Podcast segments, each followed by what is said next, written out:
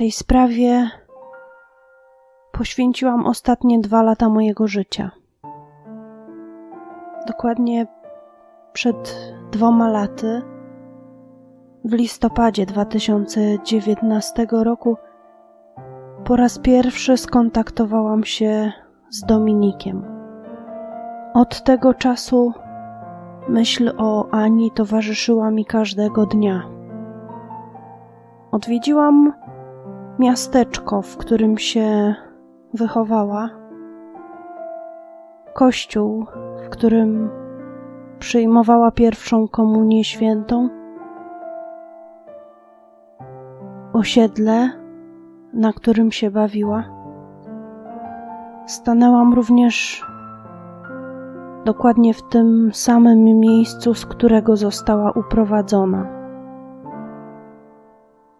Co stało się z Anią Jałowiczor? Śliczną, rezolutną dziesięciolatką, której rodzina poszukuje już od niemal 27 lat. Dominik Jałowiczor ma 35 lat. Od lat mieszka wiele kilometrów od miejsca, w którym wydarzyła się największa tragedia jego życia. Prowadzi życie podobne do swoich rówieśników. Praca, dom, ale jest coś, co bardzo odróżnia go od mężczyzn w jego wieku.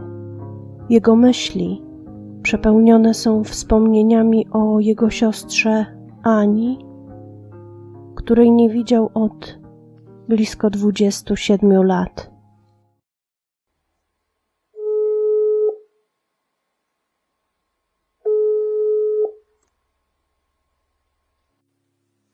Hejo. No cześć. Cześć. Jak tam dzisiaj samopoczucie? W porządku. W porządku. Myślę, że jakoś sobie poradzimy. Która to jest nasza rozmowa? O, matko, nie wiem.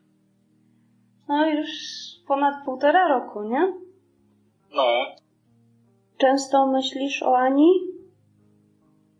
wiesz, są takie sytuacje jak nasze rozmowy, które, które przywołują każdego dnia to, że gdzieś Ania tam jest, że gdzieś może czeka na nas. Mhm. E, Niemniej jednak myślę, że nie skłamię, jeśli powiem, że każdego dnia codziennie przebija się w naszych myślach. Mówię w naszych, mam na myśli siebie i rodziców oczywiście. Są to różnego rodzaju sytuacje. Nie ma dnia, żeby Ania się gdzieś nie przyginęła. A masz jakieś konkretne wspomnienia z nią związane, jakieś sytuacje? Wiesz co, chciałbym mieć takie sytuacje, ale takie wspomnienia. Jednak najwięcej mi mówią zdjęcia, ponieważ Ania zaginęła, gdy miałem 8-9 lat, więc nie do końca pamiętam, jak wtedy było. Zdjęcia mówią mi bardzo dużo. Wracam wspomnieniami nawet do tego, jak spędzaliśmy jeszcze młodsze lata y, u dziadków, do tego, jak byliśmy za granicą u, u ojca, jak pracował y, we Francji. Tak? Spędzaliśmy mnóstwo czasu razem. Co było wspaniałe, to fakt, że e, przyjaciółki, przyjaciele Ani byli również moimi kolegami i koleżankami. Spędzaliśmy mnóstwo czasu razem. E, no i vice versa. Moi znajomi byli, byli również e, znajomymi Ani. Mhm. Odcinaliśmy się, wszystko robiliśmy, wiele rzeczy. Nie wszystko, wiele rzeczy robiliśmy wspólnie, wspólnie się bawiliśmy. No tak, gdzie jesteście w podobnym wieku, no? E, Zgadza się. No Ania, Ania zawsze miała powiedzmy no, dwa lata różnicy w tamtym wieku 8-9 lat wydaje się dużym przeskokiem. Tak. Jednak też ja byłem tolerowany przez e, jej znajomych. Miała ich więcej niż, niż powiedzmy ja swoich rówieśników. E, Więc gdzieś zawsze, zawsze mogliśmy ten czas spędzać razem i, i fajnie to, to przebiegało. Mhm. A jak zapamiętałeś Anię? Jaką, jakim ona była dzieckiem? Wydaje mi się, że Ania była zawsze uśmiechnięta. Nie jestem w stanie sobie przypomnieć sytuacji, kiedy Ania marudziła z jakiegoś powodu, czy, czy płakała bez powodu.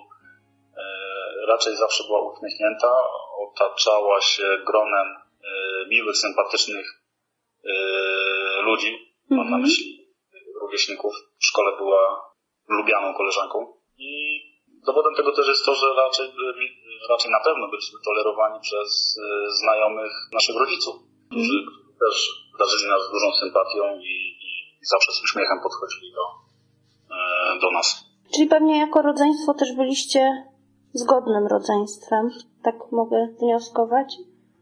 Tak, zdecydowanie. Minęło mnóstwo lat, więc y, nie chcę, nie chcę ryzykować stwierdzenia, że, że może wyparłem te y, złe rzeczy z pamięci, Mhm. ale po prostu nie jestem w stanie sobie przypomnieć nic negatywnego między nami. Nie kłóciliśmy się, zawsze sobie pomagaliśmy, zwłaszcza, że wiele lat też byliśmy sami, bo ojciec pracował za granicą i nawet jak trafiliśmy do babci, jak mama wyjechała do taty, to, to też się wspieraliśmy i, razem sobie radziliśmy. Powiedz mi, jaka była reakcja wasza, o ile to pamiętasz, na to, że wiesz, tata jest za granicą, mama wyjeżdża, a wy idziecie do babci, nie? To, to było coś, e, rodzice podjęli decyzję i wy to zaakceptowaliście, czy był jakiś tam, że tak powiem, bunt na pokładzie z, z tego powodu? E, Nie pamiętam do końca jak Mhm. było. E, Wydaje mi się, że buntu nie było. Raczej byliśmy Mhm. takimi dziećmi, które robią to, co muszą. E, Zdawaliśmy sobie sprawę z tego, że, że, że jest taka konieczność.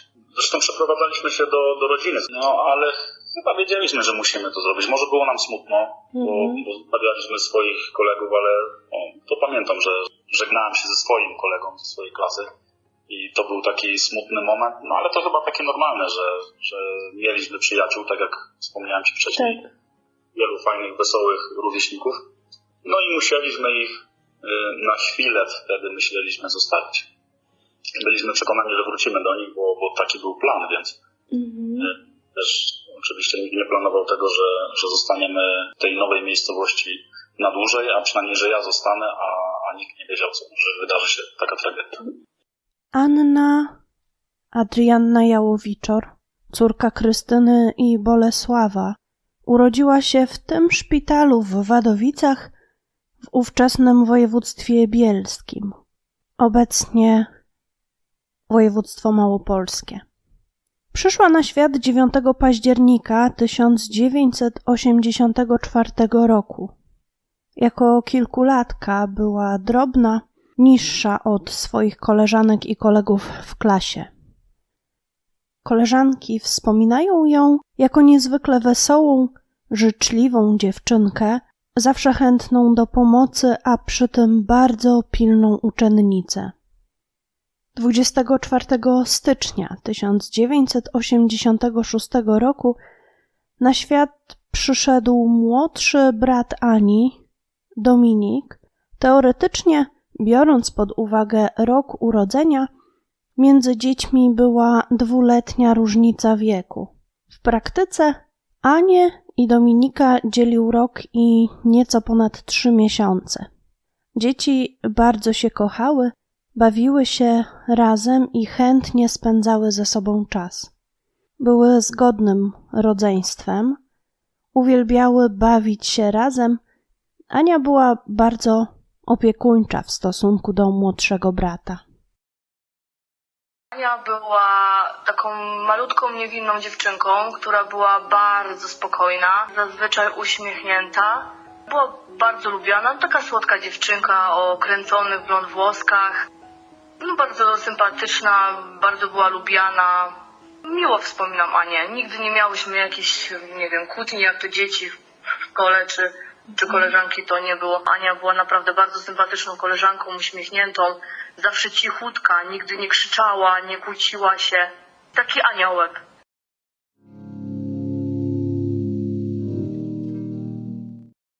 Jej mama wzięła, jak robiła jej warkoczyki albo kucyki, Ania zazwyczaj z białej wstążki, niebieskiej, różowej miała robione takie wielkie kokardy z tych, e, z tych wstążek. I pamiętam nawet, że moja mama też potem musiała mi robić, ja zazwyczaj chodziłam w czerwonych, bo lubiłam czerwony kolor. I też takie wstążki mama musiała mi robić na te warkocze i te kucyki, bo tak bardzo podobały mi się właśnie u Ani. Pamiętam, jak byliśmy razem u babci, w ogrodzie, Ten dzień pamiętam bardzo dobrze, właśnie ten spacer do babci, huśtawkę i robienie wianków z Anią, powrót do domu, gdzie Ania tam trochę się ona mnie obraziła, owianek, nos zadarła, coś jej nie spasowało tam w wianku, czy mama jej mi pomogła, już nie pamiętam dokładnie jak to było, ale chyba jej mama mi pomogła i, i ona stwierdziła, nie, teraz ty masz ładniejszy ten wianek i wiem, że tak trochę była na mnie zła. Myśmy szli chyba z Dominikiem przed, a ona szła za nami, albo ona szła pierwsza, a my za nią. Już nie pamiętam dokładnie jak to było. I wiem, że kopała kamieniami. Jak szła, to te kamyki wystające kopała, bo tam do babci była taka droga kam kamienista, nie było asfaltu. Część asfaltowa, ale część do, tam chyba pod sam dom była taka kamienista, takie kamyczki były wysypane. I ona te kamyczki właśnie tak kopała. I tu właśnie pamiętam ten jej nosek zadarty, taki, taki słodki, ta mina taka była, to, to ona miała takie fajne płucki, te płucki takie zadarte były i taka była zła. My z Dominikiem się uśmiechaliśmy jeden do drugiego, że Ania się obraziła. To była tak wrażliwa dziewczyna, to była tak, em, tak ciepła i uśmiechnięta. Tak jak mówię, ja pamiętam tylko tą jedną sytuację, kiedy Ania, widziałam Anię, że ona potrafi się złościć. A my właśnie z Dominikiem, żeśmy byli w takim szoku małym, no i żeśmy się tak podśmiechiwali trochę, no bo, no bo Ania, zadarty nos, jakaś zła, kopiąca kamienie, nie, nie. I tak żeśmy się z niej śmiali. Nie Mama pasowało do niej. Właśnie, dokładnie. Państwo Jałowiczorowie mieszkali w Andrychowie, w ówczesnym województwie bielskim, obecnie małopolskim. Zajmowali jedno z mieszkań na pierwszym piętrze w bloku przy ulicy Lenartowicza 70. W tym samym budynku, a także w sąsiednich, mieszkali również koledzy i koleżanki Ani i Dominika. Dzieciaki z osiedla bawiły się na znajdującym się w pobliżu ich bloku placu zabaw, który choć nadal istnieje w tym samym miejscu, to obecnie wygląda zupełnie inaczej.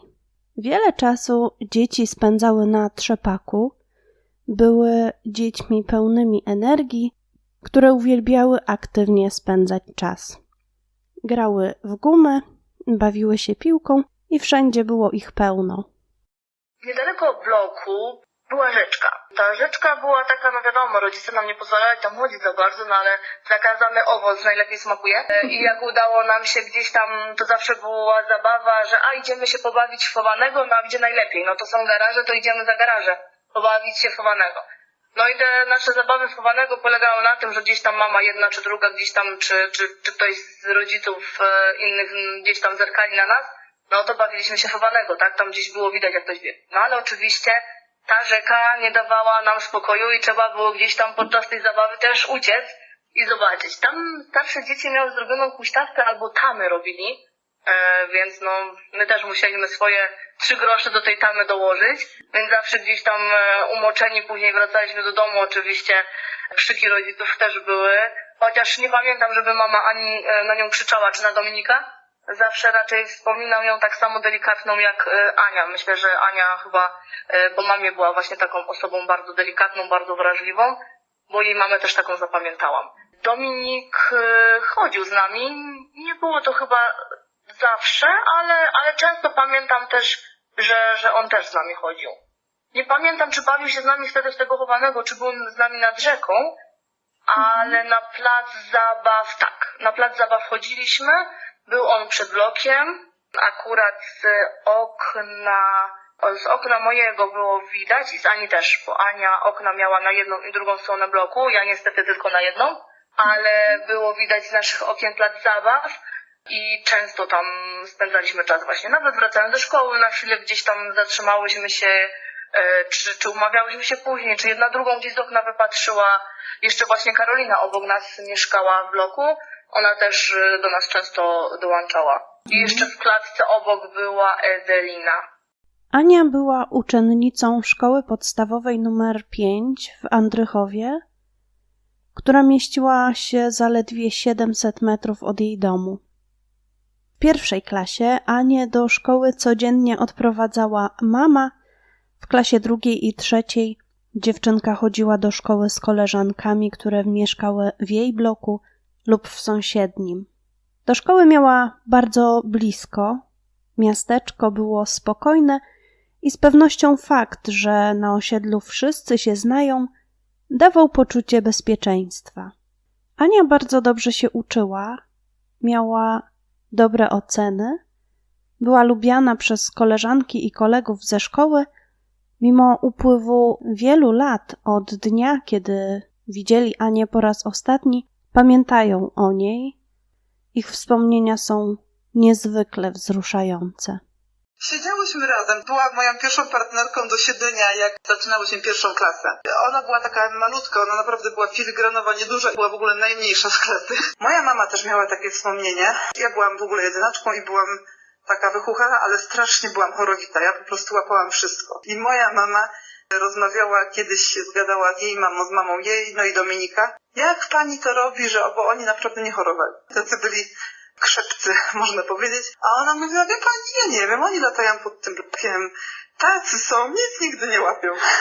A moja mama z takim żalem, a ta moja po prostu, po chwilę coś. Na przerwach to wiem, że ona się też w to z nami na pewno bawiła. Mie- Mieliśmy jako klasa taki zwyczaj, była, była taka zabawa rolnik sam w Gotolinie. To nie było, nie było żadnej przerwy, żeby, żeby się obeszło bez tego. Janka też jak najbardziej u, udział brała. Także ona z klasą była naprawdę bardzo zintegrowana i tak e, lubiana była, no. Jeden z chłopców był Anią zauroczony do tego stopnia, że podarował jej pierścionek. Było to w czasie wycieczki szkolnej. Przed wyjazdem na tę kilkudniową wycieczkę mama przygotowała dla Ani wszystko, co mogło jej się przydać w czasie wyjazdu. Do ubrań przyszyła nawet metki z inicjałami, żeby nic nie zostało zgubione. Ania była bardzo zadowolona z tego wyjazdu. nie poznałem e, na zielonej szkole, bo ona nie chodziła z nami do klasy, a właśnie z tego wyjazdu ją pamiętam. Pamiętam nawet taki sklep w Porąbce, w którym były właśnie takie pierścionki, no i, i pomyślałem, że kupię Ani pierścionek no i, i, i wybrałem ten pierścionek, no i wiem, że był taki moment stresu. że Gdzieś tam chyba szliśmy, e, czy zwołali wszystkich na jakąś zbiórkę i te sale właśnie były takie puste. Wtedy zaprosiłem Anię do tego pokoju i ten pierścionek jej, jej tam dałem. Była widać zadowolona, bo pamiętam jej uśmiech. Wiele słów tam nie padło, no bo takie dzieci to sobie za wiele nie mówią. No ale wiem, że, że właśnie e, ten pierścionek jej podarowałem. Wiem, że ona go założyła. A potem wiem, że była taka dyskoteka i wiem, że chyba Ania chciała jechać do domu jakoś wcześniej i ja też się namawiałem, żeby nie jechała. To pamiętam. Rodziny rodziców chyba były. Niektóre dzieci pojechały właśnie z rodzicami wcześniej. Koleżanka Ani, Karolina, wspomina, że Ania była w dzieciństwie jej najlepszą przyjaciółką. Chodziły razem do szkoły i ze szkoły. Często wspólnie odrabiały lekcje i bawiły się razem. Dziewczynki były ze sobą bardzo blisko związane, niemalże jak siostry. Pani Karolina wspomina dziś Anię jako bardzo zabawną, mądrą i miłą dziewczynkę. Pani Karolinie było bardzo przykro, gdy Ania się wyprowadziła, ale jej uprowadzenie było prawdziwym ciosem w serce. Do dziś pani Karolina wspomina przyjaciółkę, bo jak twierdzi, Ania była prawdziwym promyczkiem.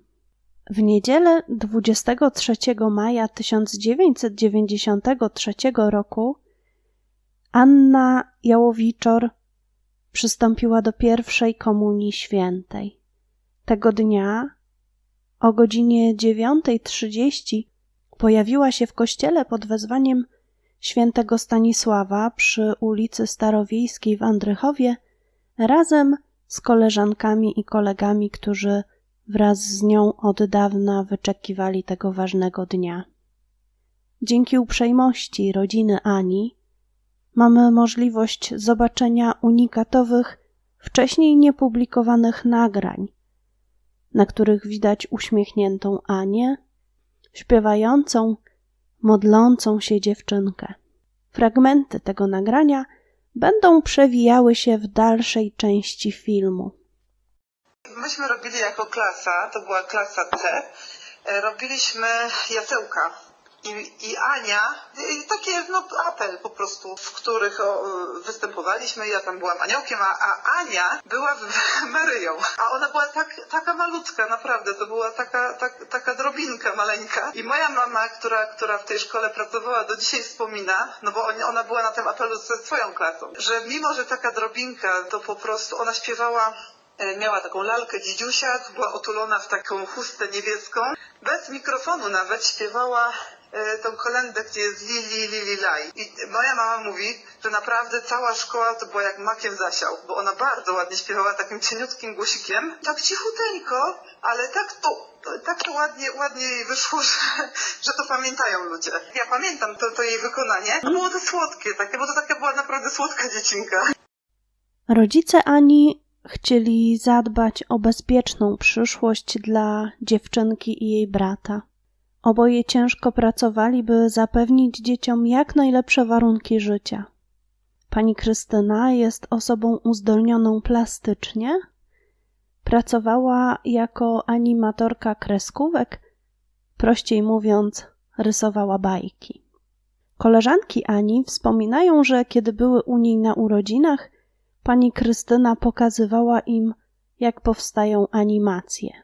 Ania odziedziczyła po mamie talent plastyczny, dużo rysowała, przede wszystkim konie.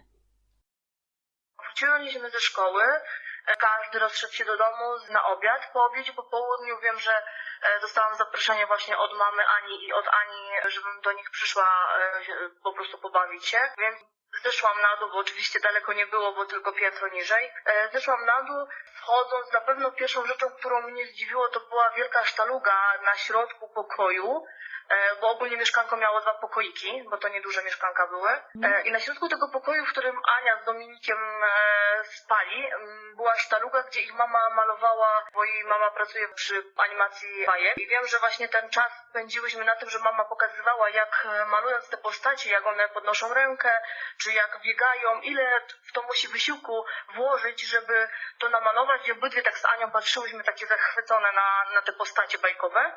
I to było super doświadczenie.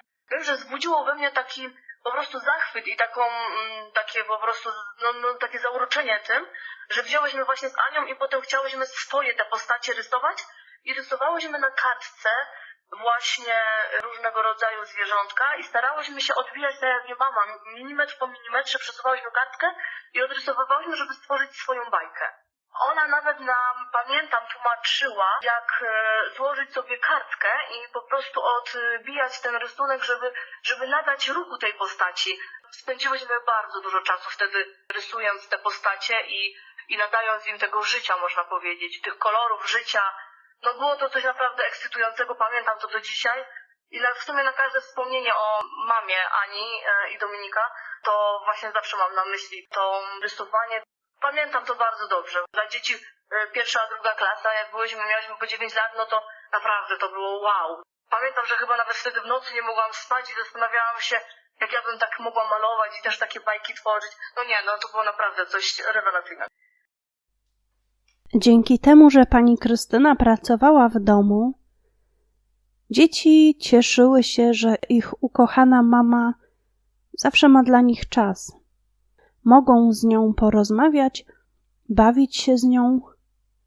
Czuły, że obok nich zawsze jest ktoś bliski. Początkowo pan Bolesław pracował jako taksówkarz. Kiedy jednak pani Krystyna i Bolesław postanowili, że wybudują dom, tata Ani i Dominika wyjechał do Francji i tam pracował, by zdobyć pieniądze na budowę. Przez kilka lat dzieci mieszkały w Andrychowie z mamą, a tata przebywał za granicą. Rodzina bardzo za sobą tęskniła, a rozłąka była trudna i bolesna. Dzieci odwiedziły kiedyś tatę za granicą, ale nic nie zastąpi tego, gdy rodzina jest razem. Dlatego pani Krystyna i pan Bolesław podjęli decyzję o tym, że żona dołączy do pana Bolesława i dzięki temu szybciej uzbierają potrzebną kwotę, wybudują dom i wreszcie będą razem. Na przełomie sierpnia i września 1994 roku pani Krystyna wyjechała do Francji. Tatę Ani pamiętam bardzo słabo, ponieważ e, Ani tata pracował za granicą i on przyjeżdżał tylko na święta. Jak już przyjeżdżał, to wiem, że często jeździli do babci jednej czy drugiej. Ania bardzo tęskniła też za tatą. Rodzice postanowili, że po prostu razem wyjadą e, za granicę, bo chcieli wybudować sobie dom. No i postanowili, że po prostu Ania już będzie tam chodzić z Dominikiem do szkoły, tam już będą zdobywać nowe przyjaźnie, nowych znajomych. No i właśnie jako dziecko też zawsze pytałam Ani, dlaczego e, mama cię tam chce zabrać, dlaczego nie możesz tutaj u babci w Inwałdzie? Przecież babcia jest fajna, babcia ma duży dom, duży ogród, mogłaby cię zaprowadzać do szkoły. Jak to dzieci zawsze było, że a to powiemy naszym rodzicom, żeby rodzice po ciebie przyjeżdżali tam do tej babci, żeby cię przywozili do szkoły. No, no ale wiadomo, co my dzieci możemy, rodzice zdecydowali, postanowili, że no, no wiadomo jak to każdy w tamtych czasach, czy nawet dzisiejszych e, chciał czegoś się dorobić i tym dzieciom coś zapewnić. Więc taka decyzja powstała rodziców, no i Ania się po prostu z Dominikiem wyprowadzili z rodzicami. Wiem, że jeszcze wakacje e, chyba spędzali trochę u babci tutaj w Inwałdzie i chyba przez te wakacje wtedy jeszcze się widziałyśmy. Ania opowiadała właśnie, że ci rodzice jadą za granicę, że mama dołączy do taty, no i oni muszą po prostu z Dominikiem iść do babci tam i mieszkać z babcią i, i tam po prostu chodzić do szkoły. Że tam chyba wujek czy ciocia ktoś miał babci pomagać w ich wychowaniu, jak rodziców nie będzie. No a tutaj, że, że babcia po prostu, no chyba byłaby sama, no. I musiałaby sama dać e, z nimi się zajmować. No wiem, że dla niej też to było to ciężkie i nie wiem jak Dominik, no Dominik był troszkę młodszy, więc więc to też inaczej. Jeszcze nie zdążył mieć tyle tych, tych znajomych, co Ania w szkole. Nie wiem, ale wiem, że Ania to, no było jej przykro. Było jej przykro, że będzie tęsknić. No i wiadomo, no też wtedy ciężko było się skontaktować e, nam, bo nie było tych telefonów ani nic. Pewnie dzisiaj to człowiek by rozmawiał przez telefon, czy nawet SMS-y napisał. No a wtedy to były tylko listy. Do tego czasu się nie widziałyśmy. Dzieci trafiły do Simoradza, gdzie mieszkali rodzice pana Bolesława oraz jego siostra z rodziną. Simoradz to niewielka wieś o charakterze rolniczym, położona na Śląsku Cieszyńskim w gminie Dębowiec w powiecie cieszyńskim. Po przeprowadzce do Simoradza Ania i Dominik muszą odnaleźć się w nowych warunkach. Trafiają do klas z dziećmi, których właściwie wcześniej nie znali, ale są otwarci i ufni. Szybko poznają nowe koleżanki, nowych kolegów, nawiązują znajomości, choć bardzo tęsknią za swoimi rówieśnikami z Andrychowa. Sprawę aklimatyzacji w nowej szkole ułatwia fakt, że w placówce zatrudniona jest ich babcia. Pracuje tam jako woźna, dzięki czemu dzieci czują się pewniej. Obecność babci daje im poczucie bezpieczeństwa. Poza tym do tej samej szkoły uczęszcza kuzynostwo Ani i Dominika. Z domu babci mają do szkoły kilometr. Czas mija im na nauce, zabawie, ale też na tęsknocie za rodzicami. Marzą, by jak najszybciej znowu ich zobaczyć, by być z nimi. Po czterech miesiącach życia w nowym miejscu nadchodzi wreszcie upragniony czas Bożego Narodzenia. Ania i Dominik mają nadzieję, że rodzice przyjadą na święta. Do Polski przyjeżdża jednak tylko pan Bolesław. Spędza w Simoradzu kilka dni. Dzieci cieszą się z wizyty ojca, ale jest im przykro, że nie przyjechała z nim również mama. Pani Krystyna planuje odwiedzić dzieci wczesną wiosną. 24 stycznia 1995 roku Dominik, uczeń drugiej klasy, obchodzi swoje dziewiąte urodziny.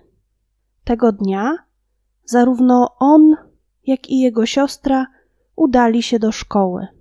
Po lekcjach Ania szykowała się na bal karnawałowy, który organizowany był w szkole w Simoradzu dla uczniów klas 4-8. Dzieci z klasy Ani dowiedziały się o balu zaledwie dzień wcześniej, dlatego nie wszyscy uczniowie z tej klasy pojawili się na zabawie. Ania poprosiła swoją ciocię o pomoc w doborze stroju i w końcu założyła półgolf w żółto-czerwono-czarną kratkę oraz bordowe getry. Jej uszy zdobiły złote kolczyki w kształcie kwiatów z cyrkonią. Trudno dziś powiedzieć, jak Ania bawiła się na imprezie, ponieważ jej koleżanki i koledzy podają zupełnie sprzeczne informacje. Jedni twierdzą, że Ania bawiła się doskonale i przez cały czas trwania zabawy miała dobry humor. Inni natomiast zeznali, że Ania była znudzona, pytała kilkukrotnie o godzinę i wyglądała przez okno zupełnie jakby na kogoś czekała. Można jednak założyć, że na późniejsze zeznania dzieci wpływ mogły mieć rozmowy prowadzone w domach na temat zaginięcia dziewczynki, a także komunikaty medialne. Szybko bowiem pojawiły się plotki, że na pewno ktoś wywabił Anię, wmawiając jej, że zabierze ją do mamy, i dlatego dziewczynka miała być tak niecierpliwa. Nie ma na to jednak żadnego dowodu. Według artykułu zamieszczonego w gazecie policyjnej magazyn kryminalny 997 z dnia 19 marca 1995 roku Ania wyszła z budynku szkoły około godziny 19.50. Kolega z klasy zaproponował, że ją odprowadzi. Przeszli 100 metrów, mniej więcej do miejsca, w którym obecnie stoi znak ustąp pierwszeństwa. Ania miała do domu jeszcze kilkaset metrów. Podobno powiedziała koledze, że dalej pójdzie sama. Nie wiadomo, którą z dróg wybrała po rozstaniu z kolegą Jackiem. Mogła bowiem okrążyć staw lub przejść groblą dzielącą dwa stawy. Obecnie w tym miejscu znajduje się jeden staw. 27 lat temu był on przecięty wąską ścieżką, którą być może przeszła Ania. Tego nie wiemy. Tego dnia nie dotarła jednak do domu. Pamiętasz ten dzień, kiedy twoja siostra zaginęła? No zupełnie nie pamiętam tego dnia. Nie, nie wiem jak przebiegał ten dzień. Mam tylko przebłysk taki, jak Ania szykowała się na imprezę i, i wiem, że prosiła ciocię o to, żeby jej pomogła w doborze stroju. Miała chyba nawet jakąś dziurkę w swoich rajstopach i prosiła, żeby to zacerowała i tyle pamiętam. Następna migawka to, to tylko błękitne światła w późną nocą. Mm, Świat, mam na myśli światła wozów strażackich policyjnych. A wiedziałeś, co się wtedy dzieje? Czy nie powiedziano ci, czy, czy od razu wiedziałeś, co się wydarzyło, że twoja siostra zaginęła? Chyba nie miałem tej świadomości. Wiem, że położyłem się normalnie spać, czekałem na Anię. Nie wiem dlaczego, dlaczego położyłem się bez niej, skoro, skoro nocowaliśmy w tym samym pokoju, wiedziałem, że jest na, na imprezie. I nie pamiętam, jak przebiegał ten wieczór. Chciałbym sobie przypomnieć. Nie pamiętam tego dnia. Był to też dzień moich urodzin. I nawet tego nie jestem sobie w stanie przypomnieć, czy rodzice dzwonili z życzeniami, czy ktokolwiek w jakiś inny sposób, powiedzmy, mi składał życzenia, czy nie, nie był to wyjątkowy dzień dla mnie, a samej tragedii też nie pamiętam. Musiały to być najgorsze urodziny w twoim życiu. Nie miałem świadomości, ale Mhm. generalnie każde urodziny są teraz najgorsze i zdecydowanie nie celebruję swoich urodzin. A powiedz mi, wiesz coś na temat tego, jakie działania policjanci prowadzili na początku poszukiwań? Nie miałem nigdy, y, wciąż nie mam dostępu do akt. Mogę tylko stwierdzić, że popełniono wtedy wiele błędów. Jednym z błędów było to, że y, umorzono śledztwo po trzech miesiącach, chyba z powodu niewykrycia sprawcy.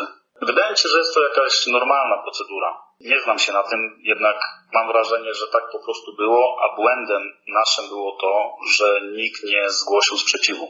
Jednak nie mam żadnego żalu do rodziców, ponieważ rodzice działali w amoku. Oni wrócili z zagranicy bardzo szybko po informacji, że Ania zaginęła. Nikt nami, e, rodzicami, nie pokierował. nie podpowiedział, co mają zrobić w momencie, jak przyszło takie pismo. Rodzice wtedy myślę, że zupełnie nie myśleli racjonalnie, nie wiedzieli y, jak, y, jak sobie radzić z, z własnym życiem, w którą stronę pójść, gdzie szukać Ani, kogo prosić o pomoc, więc jak przyszło pismo o tym, że śledztwo zostaje umorzone, to, to rzeczą normalną dla mnie jest to, że nawet nie wiedzieli, co z tym zrobić i czy dotarło do nich to, że, że mogą zgłosić sprzeciw, żeby to śledztwo jednak trwało dalej.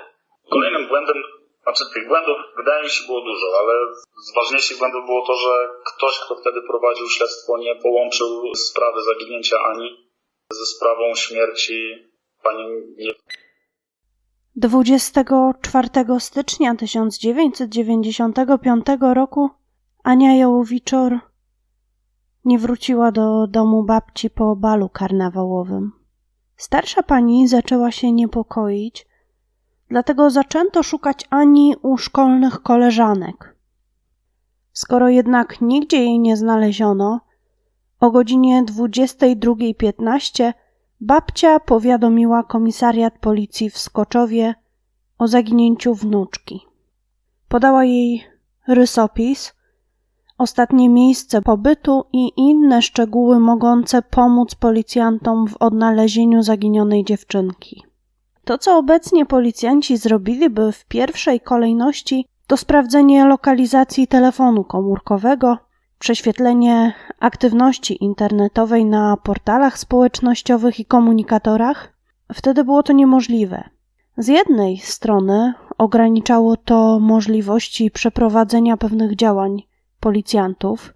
Nie można sprawdzić, gdzie logował się mm, telefon zaginionej, czyli zlokalizować mm, miejsce jej pobytu, a z drugiej strony wykluczało to możliwość tego, że Ania poznała przez internet obcą osobę, która potencjalnie mogła ją skrzywdzić.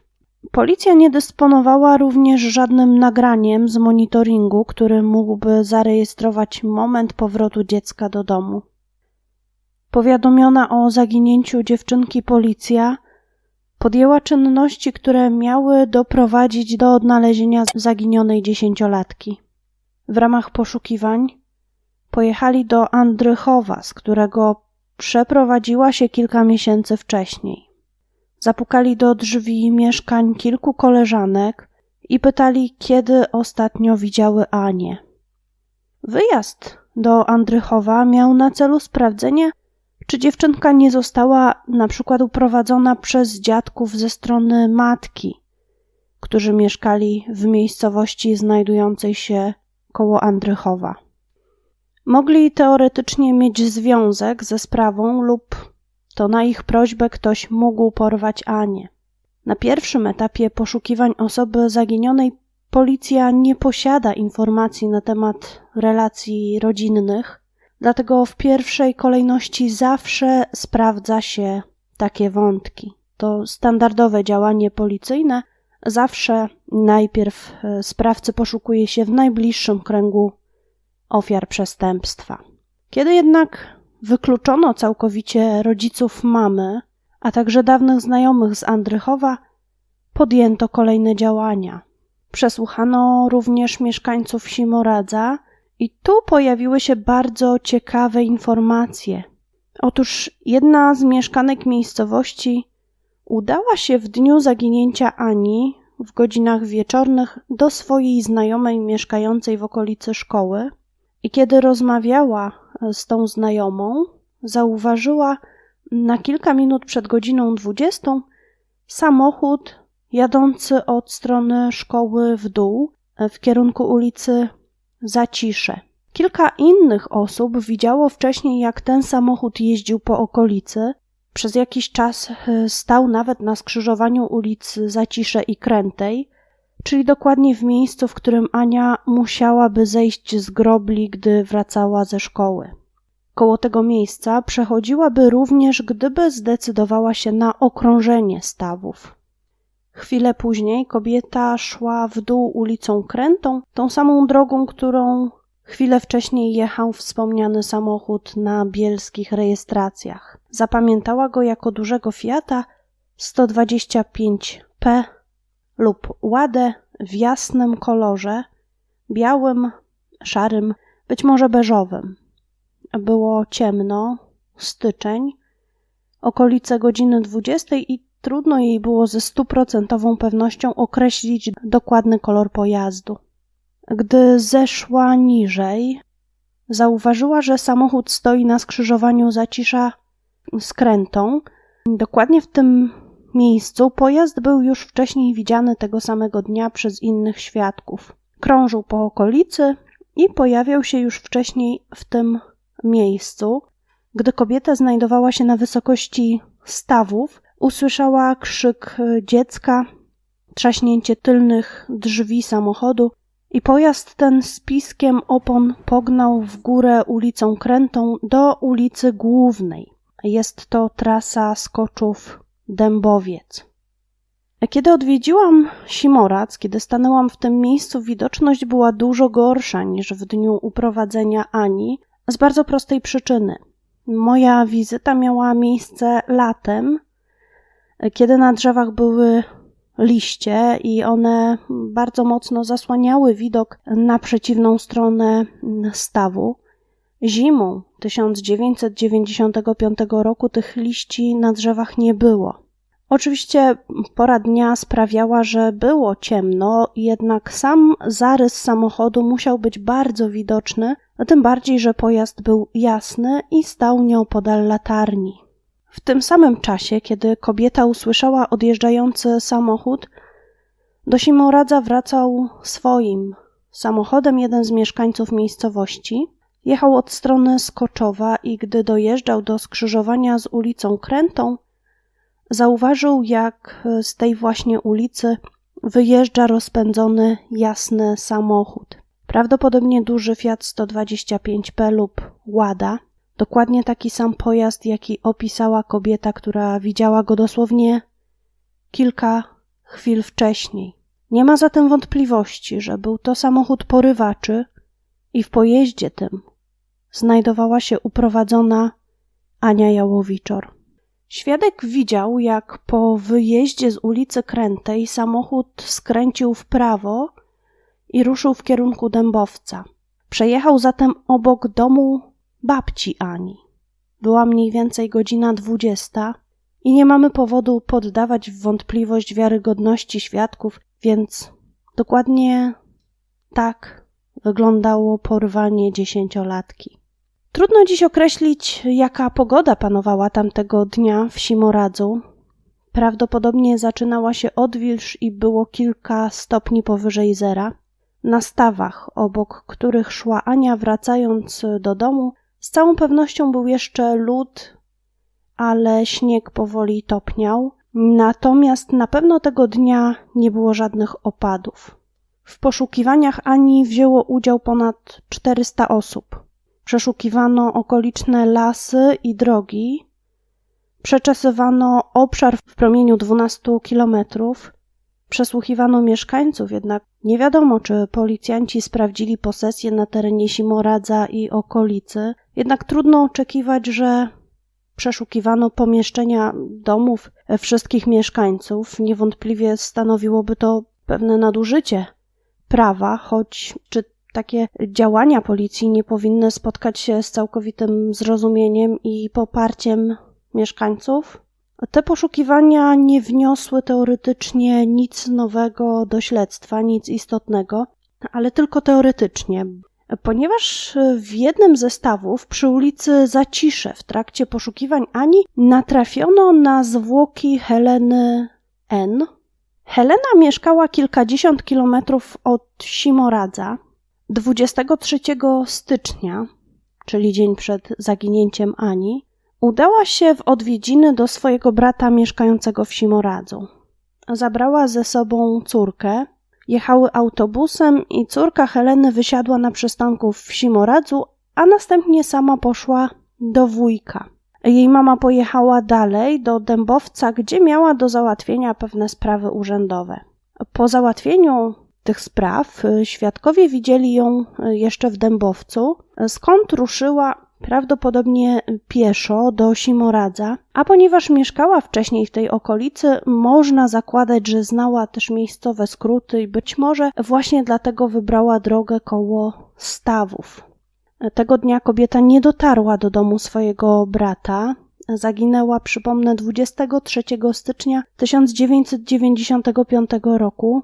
Następnego dnia, 24 stycznia, to był wtorek, uprowadzono Anię. Zaś 25 stycznia obok stawów znaleziono torebkę Heleny N. Jej ciało natomiast znaleziono w wodzie w stawie 31 stycznia 1995 roku, dokładnie po tygodniu od uprowadzenia Ani, 8 dni po zaginięciu Heleny. W organizmie kobiety stwierdzono spore ilości alkoholu, a na ciele nie znaleziono śladów wskazujących na zbrodnię. Jednak fakt, że Helena została znaleziona w bardzo bliskiej odległości od miejsca, z którego następnego dnia uprowadzono Anię, może nasuwać skojarzenia, że sprawy te mogą mieć ze sobą jakiś wspólny mianownik. Policja nie doszukała się tu kryminalnego podłoża i sprawę zamknięto. Czy jest jednak możliwym, że porywacze czekali na Anię już poprzedniego dnia i przechodząca obok Helena udaremniła w jakiś sposób porwanie, za co została przez potencjalnych sprawców wepchnięta do wody, gdzie następnie utonęła? Bo właśnie taką przyczynę śmierci ustalono w czasie sekcji zwłok. Sprawę uznano więc za nieszczęśliwy wypadek, zwykłe utonięcie. Policja nigdy nie połączyła tych spraw ze sobą, choć do śmierci kobiety doszło kilkaset metrów od domu babci Ani i 200 metrów od miejsca jej uprowadzenia. Dodać należy, że Helena N. była siostrą wychowawcy klasy Ani. Przypomnę, sprawę uznano za zwykły wypadek i zamknięto ją, choć, jak mówi Dominik, w historii Simoradza nie zdarzały się wcześniej podobne przypadki, a tu w ciągu dwóch dni dochodzi do dwóch zaginięć, przy czym jedno zakończone jest odnalezieniem zwłok kobiety. Zaginięcie pani Heleny zgłoszono 25 stycznia. Od 24 stycznia, od późnych godzin wieczornych, poszukiwana była Ania.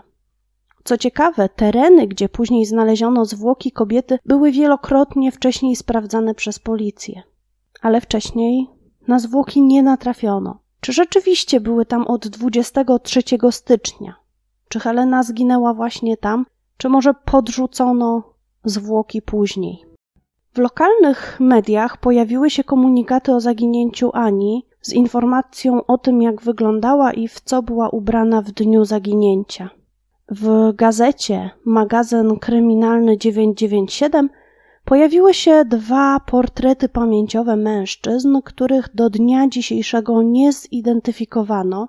Z zeznań niektórych świadków wynika, iż w okresie poprzedzającym uprowadzenie Ani na terenie Simoradza co najmniej kilkukrotnie widziany był samochód osobowy marki Fiat lub Łada.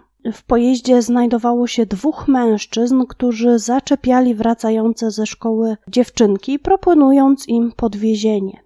I opis tego samochodu przypominał opis pojazdu, którym poruszali się porywacze Ani. W stosunku do kilku z zaczepianych dziewczynek, mężczyźni byli wręcz natarczywi, czym zmusili e, te dzieci do ucieczki.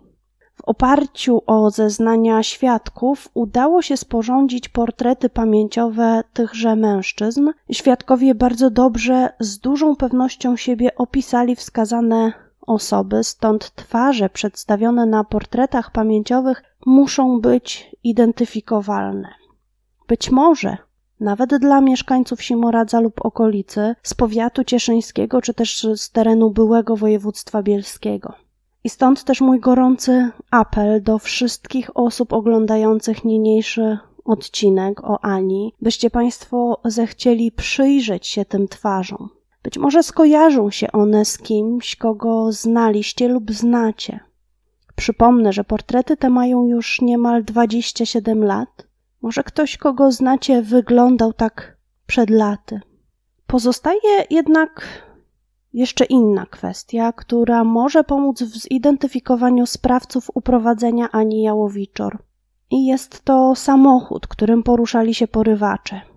Świadkowie opisują go jako tak zwanego dużego Fiata, czyli Fiata 125P lub ładę koloru zbliżonego do beżowego. Pojazd mógł być biały, beżowy, ewentualnie szary. Z całą pewnością kolor był jasny. Co do wiarygodności świadków, którzy widzieli pojazd chwilę przed i chwilę po uprowadzeniu, nie ma żadnych wątpliwości, ponieważ oboje widzieli ten sam samochód w miejscach oddalonych od siebie o kilkaset metrów na przestrzeni zaledwie kilkudziesięciu sekund. Co więcej, kobieta, która widziała odjeżdżający samochód, wskazała, że pojazd pojechał w kierunku ulicy Głównej, a właśnie przy skrzyżowaniu krętej z Główną zobaczył go drugi świadek. W samochodzie znajdowały się co najmniej dwie osoby zaangażowane w uprowadzenie, z których e, kierowca na pewno był mężczyzną. Samochód nie posiadał żadnych cech szczególnych, które by go wyróżniały, nic nie rzucało się w oczy, a przynajmniej nie zauważono takich cech przy wieczornym świetle. Samochód posiadał czarne tablice rejestracyjne o numerach z byłego województwa bielskiego.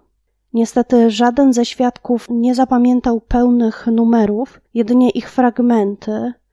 Warto też zastanowić się, czy przestępcy posłużyliby się w trakcie uprowadzenia prawdziwymi tablicami rejestracyjnymi przypisanymi do pojazdu, z którego korzystali, czy jednak tablice były fałszywe lub pochodziły z innego pojazdu. Druga kwestia, która z pewnością powinna zostać wzięta pod uwagę w kontekście samochodu, poza tablicami rejestracyjnymi oczywiście, to problem, e, czy przestępcy w swoim działaniu byli tak pewni siebie, że posłużyliby się w trakcie porwania własnym pojazdem. Wiele wskazuje, że porywacze mogli pochodzić z bliskiej okolicy Simoradza i ogromnym ryzykiem byłoby dla nich korzystanie z własnego samochodu. Zwiększałoby to ryzyko rozpoznania ich. Być może do przestępstwa posłużyli się własnym samochodem i na własnych tablicach rejestracyjnych, ale równie dobrze mogli w tym celu ukraść samochód lub pożyczyć go od kogoś. Być może pojazd był własnością innej osoby, która w dobrej wierze użyczyła go na przykład swoim znajomym.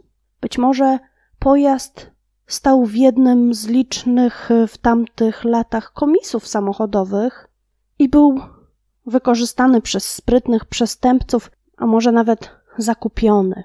Wtedy mogli użyć nawet oryginalnych tablic rejestracyjnych, a po zdarzeniu samochód po prostu zniszczyć. Oczywiście tablice mogły również pochodzić z innego pojazdu i niekoniecznie musiały zostać skradzione. Można się domyślać, bo sprawa była przecież bardzo głośna, że być może wielu posiadaczy Fiatów 125P lub Ład, które przypominały pojazd, którym uprowadzono Anię, mogło podejrzewać, że do uprowadzenia Ani ktoś użył ich samochodu. Być może bali się i z jakiegoś powodu nie przekazali swoich podejrzeń policji i milczą do dziś z obawy o swoje życie i zdrowie. Być może zostali nawet zastraszeni przez sprawców, a może milczą z powodu powiązań rodzinnych ze sprawcami. Podobne odczucia mogą mieć też osoby, które na krótko przed uprowadzeniem dziewczynki sprzedały podobne auto lub oddały je w komis. Na przykład w styczniu 1995 roku lub w poprzedzających miesiącach. Jeśli ktokolwiek z Państwa ma przypuszczenie, że to ich samochód mógł zostać użyty w uprowadzeniu tej małej dziewczynki, bardzo proszę, by skontaktował się z policją. W jakim celu ktoś miałby uprowadzić Anię? Opcji jest kilka, ale główną, biorąc pod uwagę to, że wcześniej zaczepiano inne dziewczynki, jest motyw seksualny. Być może sprawcy kręcili się w okolicy szkoły, upatrując dziecka, które mogliby porwać, szukali okazji do uprowadzenia przypadkowej, samotnie idącej dziewczynki, i Ania okazała się być właśnie tą przypadkową dziewczynką, która padła ofiarą przestępców seksualnych. Oznaczałoby to, że gdyby nie udało się porwać Ani, sprawcy szukaliby innej ofiary. Inną wersją może być to, że dziewczynka została porwana dla okupu. Jej rodzice pracowali za granicą.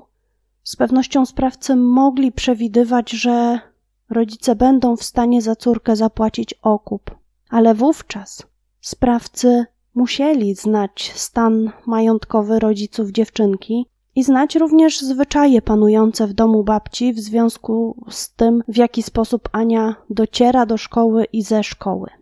Wiadomo, że dzieci czasami były dowożone lub przywożone ze szkoły samochodem. Czy sprawcy wiedzieli, że Ania tego dnia będzie wracała ze szkoły sama?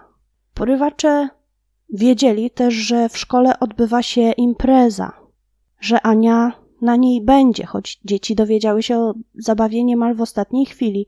Czy zatem wspólnika porywaczy należy szukać w simorackiej społeczności, a może nawet w szkole? Sprawcy wiedzieli, gdzie mieszka Ania, znali jej zwyczaje, skoro czekali na nią na skrzyżowaniu Krętej i Zacisza. Można się zastanawiać, dlaczego akurat w tym miejscu, ale jeśli rzeczywiście porywacze posiadali o Ani wiedzę, musieli również wiedzieć, że do domu babci można dojść zarówno ulicą Krętą, jak i Zaciszem. Ania wracała do domu zazwyczaj jedną z tych dróg w zależności od pogody. Kręta była drogą asfaltową, a Zacisze gruntową. Ania wybierała ją raczej wtedy, kiedy było sucho, a jak pamiętamy 24 stycznia była odwilż. Zatem nie było stuprocentowej pewności, którą z dróg wybierze Ania.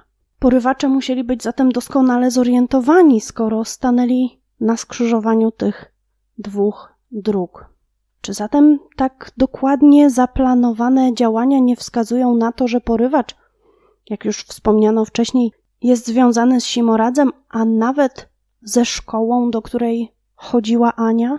Nikt nigdy nie zażądał jednak okupu za dziewczynkę, ale być może wynika to z tego, że po godzinie 22 we wsi pojawiła się już policja i porywacze przestraszyli się identyfikacji. Być może doszło do sytuacji, że zaistniało coś, co uniemożliwiło oddanie porwanej dziewczynki całej i zdrowej w sytuacji, gdyby rodzina ten okup zapłaciła. Kiedy koleżanki i koledzy Ani z Andrychowa dowiedzieli się o uprowadzeniu ich koleżanki, zaczęli bać się, że i oni mogą zostać porwani. Zaginięcie dziewczynki prowadziło nie tylko strach wśród dzieci i rodziców na Śląsku. Ta trauma trwa do dziś. Rówieśnicy Ani są dziś dorosłymi ludźmi, mają własne rodziny, dzieci i przyznają, że w stosunku do własnych pociech są nadopiekuńczy, ale nie potrafią żyć inaczej. Strach, który padł na nich po uprowadzeniu ich koleżanki, spadł na nich niespodziewanie i trwa przy nich, mając wpływ na ich codzienne życie. Dlatego uprowadzenie dziecka odcisnęło się bardzo mocno na setkach osób bezpośrednio lub pośrednio związanych z Anią i na wielu tysiącach tych, którzy o sprawie słyszeli tylko w mediach. Choć największy ból od lat towarzyszy rodzicom i bratu Ani, którzy tęsknią za nią i wciąż mają nadzieję, że dorosła już dziś Anna pewnego dnia do nich wróci. Od uprowadzenia Ani minie niedługo 27 lat. Wciąż nie wiemy, kto i dlaczego ją uprowadził. Co tu się stało? Czy w Simoradzu lub w okolicy mieszka ktoś, kto posiada wiedzę o tym, gdzie jest Ania? Jej bliscy wciąż czekają na jej powrót i wierzą, że pewnego dnia znowu ją zobaczą. Zaginieni to nie tylko nazwiska i zdjęcia. Zaginieni to prawdziwe osoby, które miały rodziny, przyjaciół i plany na przyszłość. Ania została gwałtownie wyrwana ze swojego świata, pozostawiając w rozpaczy małego braciszka, kochanych i kochających rodziców, szkolnych przyjaciół, z którymi do końca życia pozostanie już lęk o siebie, o, o własne dzieci. Jeśli wiesz coś o losie Ani Jałowiczor, powiadom o tym fakcie policję. Powiadom mnie, powiadom kogokolwiek i przerwij wreszcie tę zmowę milczenia. Każda wręcz z pozoru nieistotna informacja może mieć jakże istotne znaczenie. Zrozpaczeni bliscy Ani czekają na każdą informację. O komentarz w sprawie Ani poprosiłam policję, jednak odmówili udzielenia szerszego komentarza w tej sprawie, ponieważ zaginięcie Ani Jałowiczor jest, jak to ujęli, w ich zainteresowaniu, co może oczywiście napawać ogromnym optymizmem, bo oznacza to ni mniej, ni więcej, że policja coś robi w tej sprawie. Prosiłbym Cię, Aniu, żebyś po prostu odezwała do nas.